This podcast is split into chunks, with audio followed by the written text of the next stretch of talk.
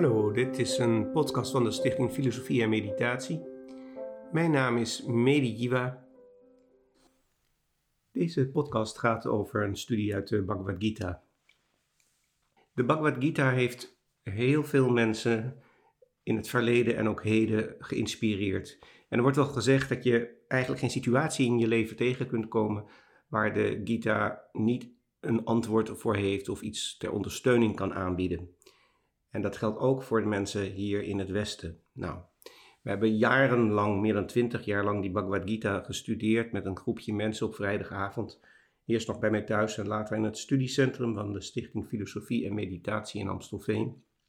En dat ging jaren goed, dat vonden we leuk, dat was altijd inspirerend. En daarna kwamen de retrettencentra zo hard in opkomst dat we heel veel tijd daar kwijtraakten en veel andere dingen te doen hadden. En is die studie in Amstelveen gestopt. Maar nu we weer in die coronatijd zitten en toch horen hoe mensen die die Gita een klein beetje kennen, steun vinden daarbij, lijkt het ook een goed idee om toch weer die studies op te pakken. En dat doen we nu tegenwoordig met een videostudie ook op de vrijdagavond van 8 tot 9. Als je die een keertje mee wil maken, moet je ons maar even een mailtje sturen, dan stuur ik je die link. Het is een gewoon open studie, het is geen cursus. Je kunt meedoen of je kunt niet meedoen. Um, dat is prima en je kunt dat helemaal zelf invullen. Maar naar aanleiding van die studies, die afgelopen vrijdag dan de eerste keer is geweest, dacht ik dat het misschien leuk was om toch een, eh, een kleine podcast te maken over wat we hebben besproken met elkaar. En uh, dat kan je dan eens overwegen en misschien nog eens terugluisteren. Nou, voor de mensen die die Gita niet kennen, dan eerst maar even weer een kort uh, inleidingje. De Bhagavad Gita is een klein Indiaas geschrift. Het maakt onderdeel uit van de Mahabharata, maar wordt meestal geïsoleerd bestudeerd. Niet in de context van die hele grote Mahabharata. Het bestaat uit 18 hoofdstukken en iedere hoofdstuk is een yoga. En een yoga betekent een volledige weg voor, laten we maar in dit geval zeggen, menselijke ontwikkeling.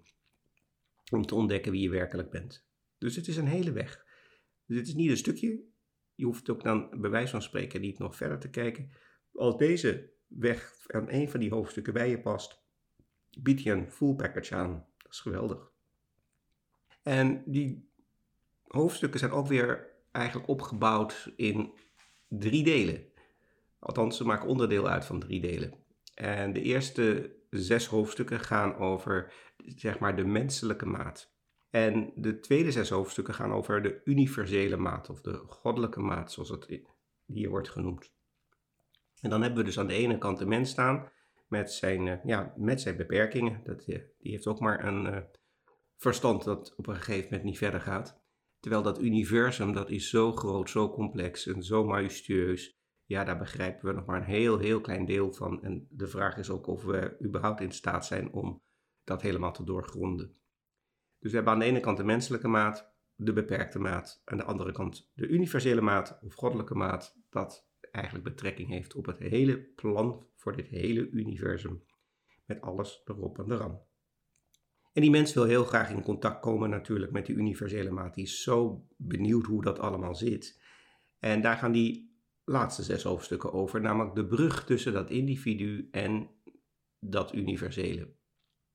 Nou, en je hoort het al, dit is een universeel thema, een tijdloos thema. Dit is voor iedereen, van welke traditie ook. Het is een geweldig thema, misschien wel het mooiste thema wat je zult tegenkomen in je leven. Want hier gaat het dan eventjes echt om. Alleen de vraag is natuurlijk, ja, hoe, hoe gaat dat dan en hoe moet dat dan? Nou, daar gaat dan net die Gita over, dat is leuk. Bhagavad Gita, Bhagavad is Bhagavan, de Heer, dus eigenlijk een dialoog tussen Sri Krishna, die hier het goddelijke vertegenwoordigt, en Arjuna, een prins, die hier de mens vertegenwoordigt. En die twee komen in dialoog met elkaar. En dat is eigenlijk de opbouw van die Gita. Maar Gita is ook heel belangrijk, want het woordje Gita betekent lied. En dat kan ik niet genoeg benadrukken. Een lied is pas een lied als je het zingt. Een lied is niet een lied als je het op papier hebt staan met noten en tekst.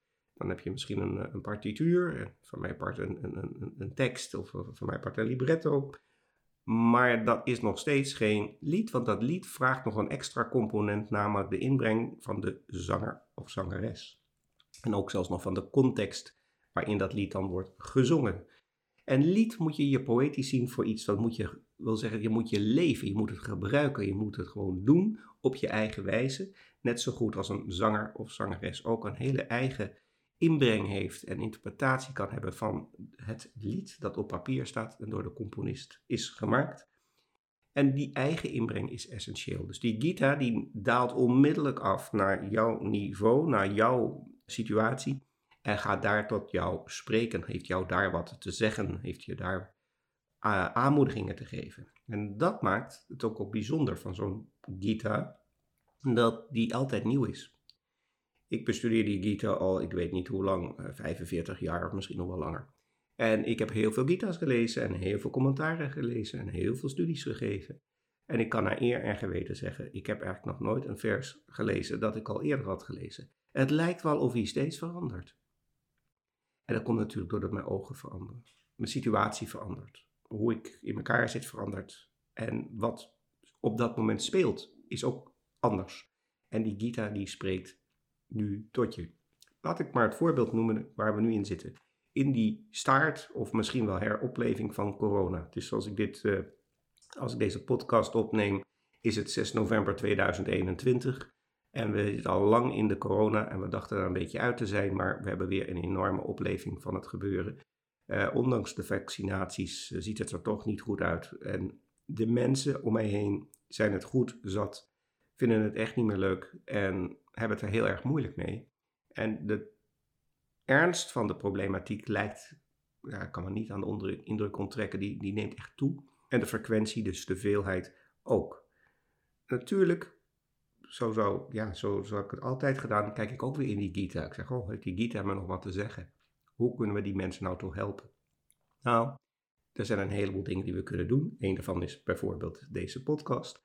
Maar er is nog zoveel meer. En ik ga dat met jullie even doornemen.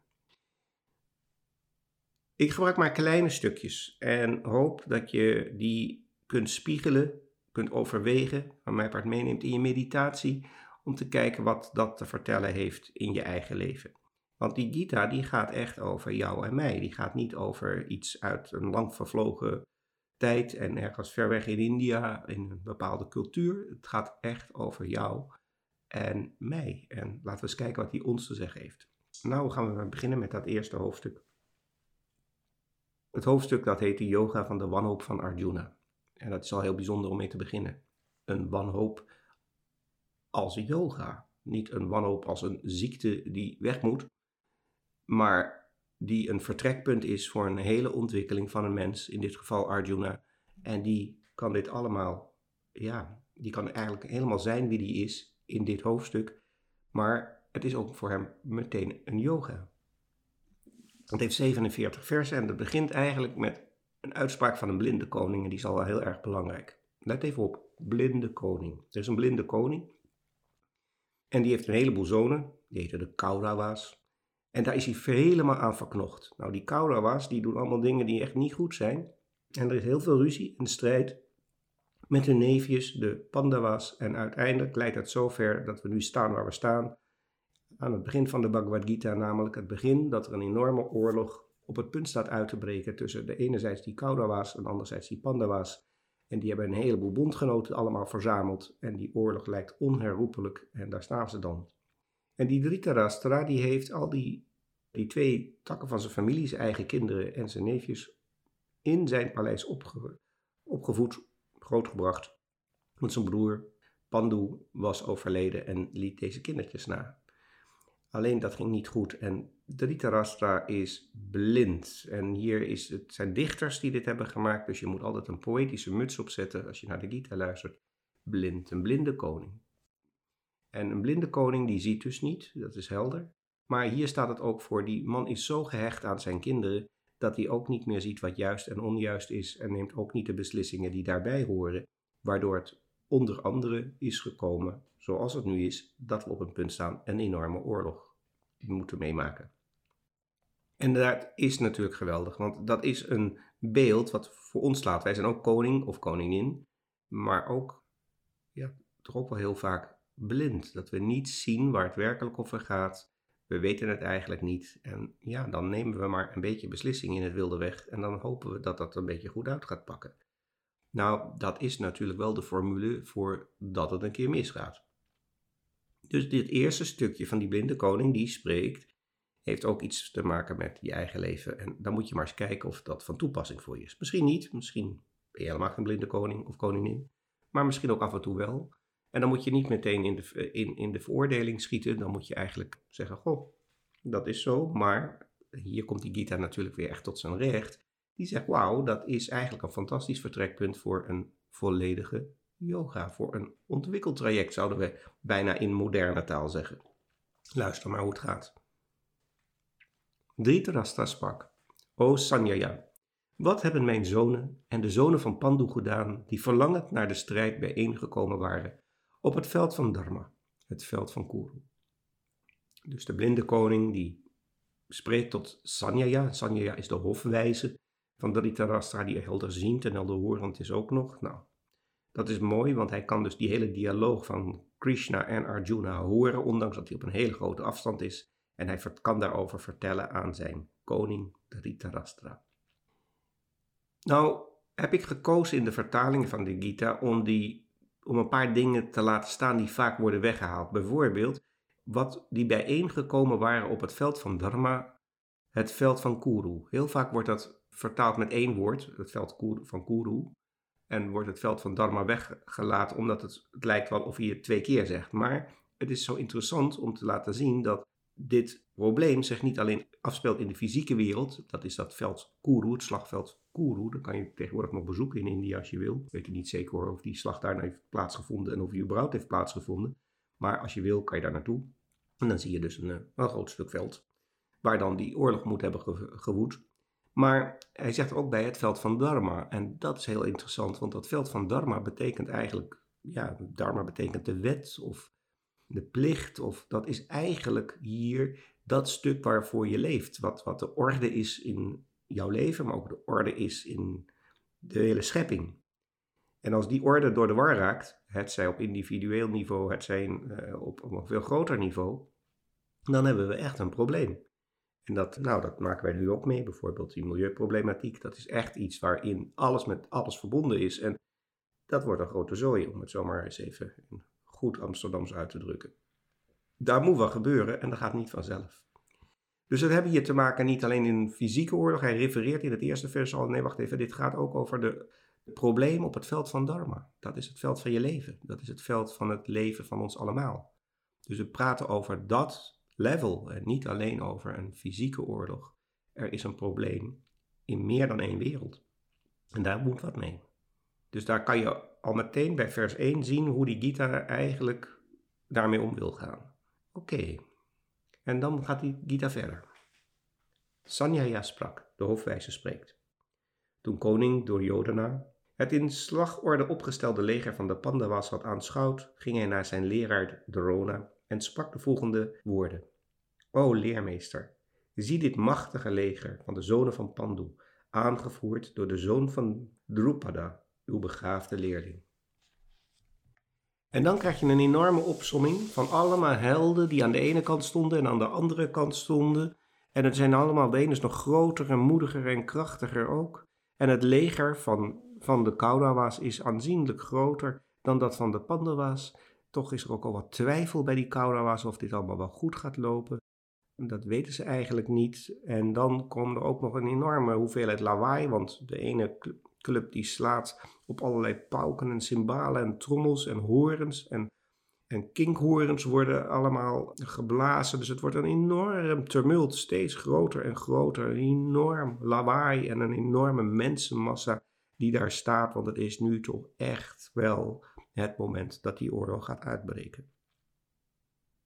En ook hier heb je weer, we hadden het over dat veld van dharma ook. Het is niet alleen dat, dat op dat slagveld zo'n enorm tumult was met enorme krachtige mensen, heel sterk en machtig, heel veel lawaai, heel veel dit, heel veel dat.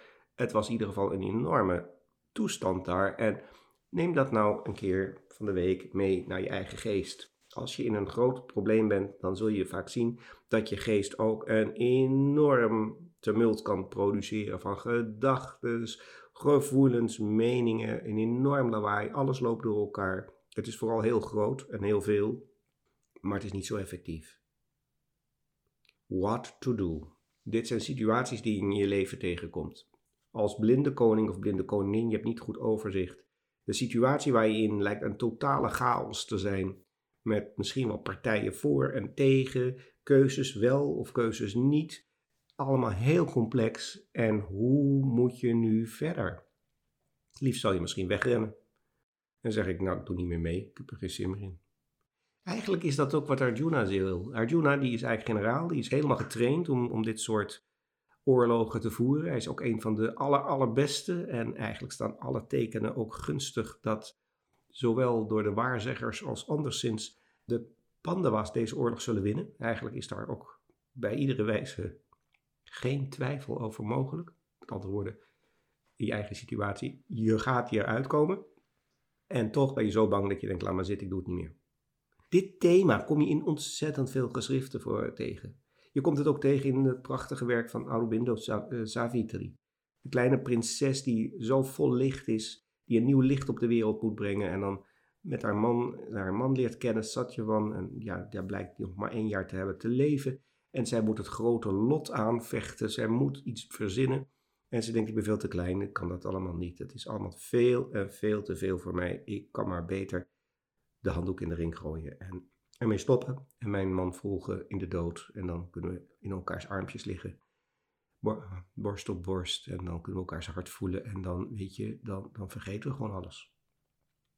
Ik denk dat iedereen wel situaties in zijn leven tegenkomt die hier ongeveer aan, aan deze beschrijving aan voldoen. En dat hoeft niet altijd zo groot te zijn, dat kan ook kleiner zijn. Nou, die Arjuna, die die, die weet het gewoon niet meer. Die, die wil dit niet. Die wil die strijd niet. Die wil eruit komen, maar er is geen uitweg meer. Alles is geprobeerd. Ze zijn er 13 jaar mee bezig. En dan komen er vier versen. Dat zijn de versen 20 tot 23. Want die hele opsomming die laat ik even voor wat die is. Dat, dat kan je zelf lezen. Maar in die versen 20 tot 23 zit iets heel bijzonders. Luister maar. Toen Arjuna met het embleem van de grote aap, Hanuman, op zijn banier de zonen van Dhritarashtra zag, die op hun plaatsen stonden, klaar voor de strijd, hief hij zijn boog op en richtte deze woorden tot Rishikesha, dat is de andere naam voor Krishna. O Heer van de aarde, rijd mijn strijdwagen midden tussen de beide legers, o gij onvergankelijke, zodat ik hen die hier staan, verlangend om te vechten, goed kan overzien, en ik weet wie aan mijn zijde strijden en ik ook hen kan zien die zich klaar hebben gemaakt voor de strijd en die vol verlangen zijn om de kwaadwillende zonen van Dhritarashtra te dienen. Dat zijn zijn tegenstanders. Nou, dat is op zich heel bijzonder wat hier staat, maar het is ook meteen eigenlijk een eerste superbelangrijk medicijn wat ik je mee wil geven, want dat wordt in dit hoofdstuk al gegeven op de yoga, in de yoga van wanhoop. Wat moet je nou doen als je in die wanhoop bent? Hoezo kan dat nou een yoga worden? Dat is toch een grote zooi nou nee, ze zien het een beetje anders. Die Arjuna die vraagt aan Krishna, Krishna wil je alsjeblieft mijn strijdwagen naar het midden rijden van het, van het strijdperk. Nou, dat is wel een bijzonder uh, verzoek, want daar staan gigantische legers tegenover elkaar. Dus hij wil ze graag allemaal even zien, maar hoe ga je dat doen met die duizenden mensen? Dat kan je helemaal niet zien. Bovendien, als je, naar Kuru, als je naar het slagveld van Kuru kijkt, zie je dat het een delle is. Dus je zit dan een beetje beneden, dan zie je helemaal niks meer. Bovendien, ze zijn al 13 jaar bezig. Ze weten nou echt wel wie er aan beide kanten staan. Dat, dat, is, niet, dat, dat is werkelijk op het mannetje en het poppetje nauwkeurig al lang bepaald. Dus waarom dat nu net op dit moment? Moeten we niet wat anders doen? Nee, we moeten dit doen. Want dat zit in het woordje breng mij naar het midden. En dit noem je de middenpositie. En hier krijg je ook het woord van de middenweg. En dit zien we in allerlei tradities. De Hindoeïstische traditie, Boeddhistische traditie, Taoïstische traditie. Bij de Soefies en ook in het christendom. We komen dit steeds weer tegen. Het is een universeel thema. Aha. We hebben dus deze situatie. We hebben een blinde koning die het allemaal niet ziet. We hebben een enorm tumult. Eigenlijk onze geest is echt helemaal gevuld met lawaai. We zien er, kunnen er geen chocola meer van maken. En wat moeten we nu nog doen? We zetten de wanhoop nabij. En wat doet hij? Vind de middenpositie. Breng mij naar het midden, opdat ik kan zien wie aan beide zijden staan. Maar dat is een neutrale positie. Dat midden is neutraal. Daarbij is geen goed en geen slecht. Het is ook interessant, want in de Gita gaat het niet over goed en slecht. Ik weet dat heel veel vertalers er niet aan ontkomen om sommige dingen goed en andere dingen slecht te noemen. Zo zijn we gewoon geprogrammeerd vanuit onze eigen cultuur. Maar hier is het een neutrale positie. Nou, dan hebben we de eerste les gehad van de yoga van wanhoop. Als het zo is dat die wanhoop echt heel hoog is, is er altijd een way out. Oh ja? Ja. Dat is het innemen van de middenpositie. Nou, dat klinkt wel goed, maar hoe moet dat dan? En hoe werkt dat dan en wat is die middenpositie dan precies? Oké, de yoga vindt daar plaats. De hele dialoog van Krishna en Arjuna vindt plaats precies in het midden. Dat hele boek gaat daar plaatsvinden. En daar is ook voor jou de weg eruit. En voor mij ook. We moeten meer weten en meer te weten komen over wat die middenpositie is, want dat is de ideale plek om nu een stap te zetten. Je kunt altijd een stap zetten. Maar moedig je aan, ga naar die middenpositie toe. En laten we dan kijken wat er gaat gebeuren. Nou, super spannend. En dat gaan we dan de volgende keer verder bekijken, wat daar dan in dat midden gebeurt. Maar overweeg eens voor jezelf. Kan je ook in moeilijke situaties een neutrale positie innemen? En als je dat moeilijk vindt, prima. Geen, geen stress, komt goed. We hebben nog een heel boek te gaan.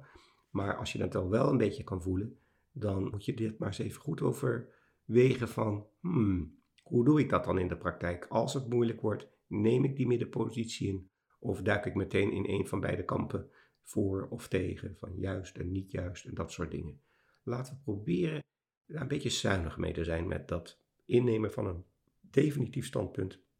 Laten we ruimte houden en maken om die neutrale positie, die middenpositie in te nemen. Ik zal later laten zien, dat is ook precies waarom de meditatie vaak wat moeilijk loopt.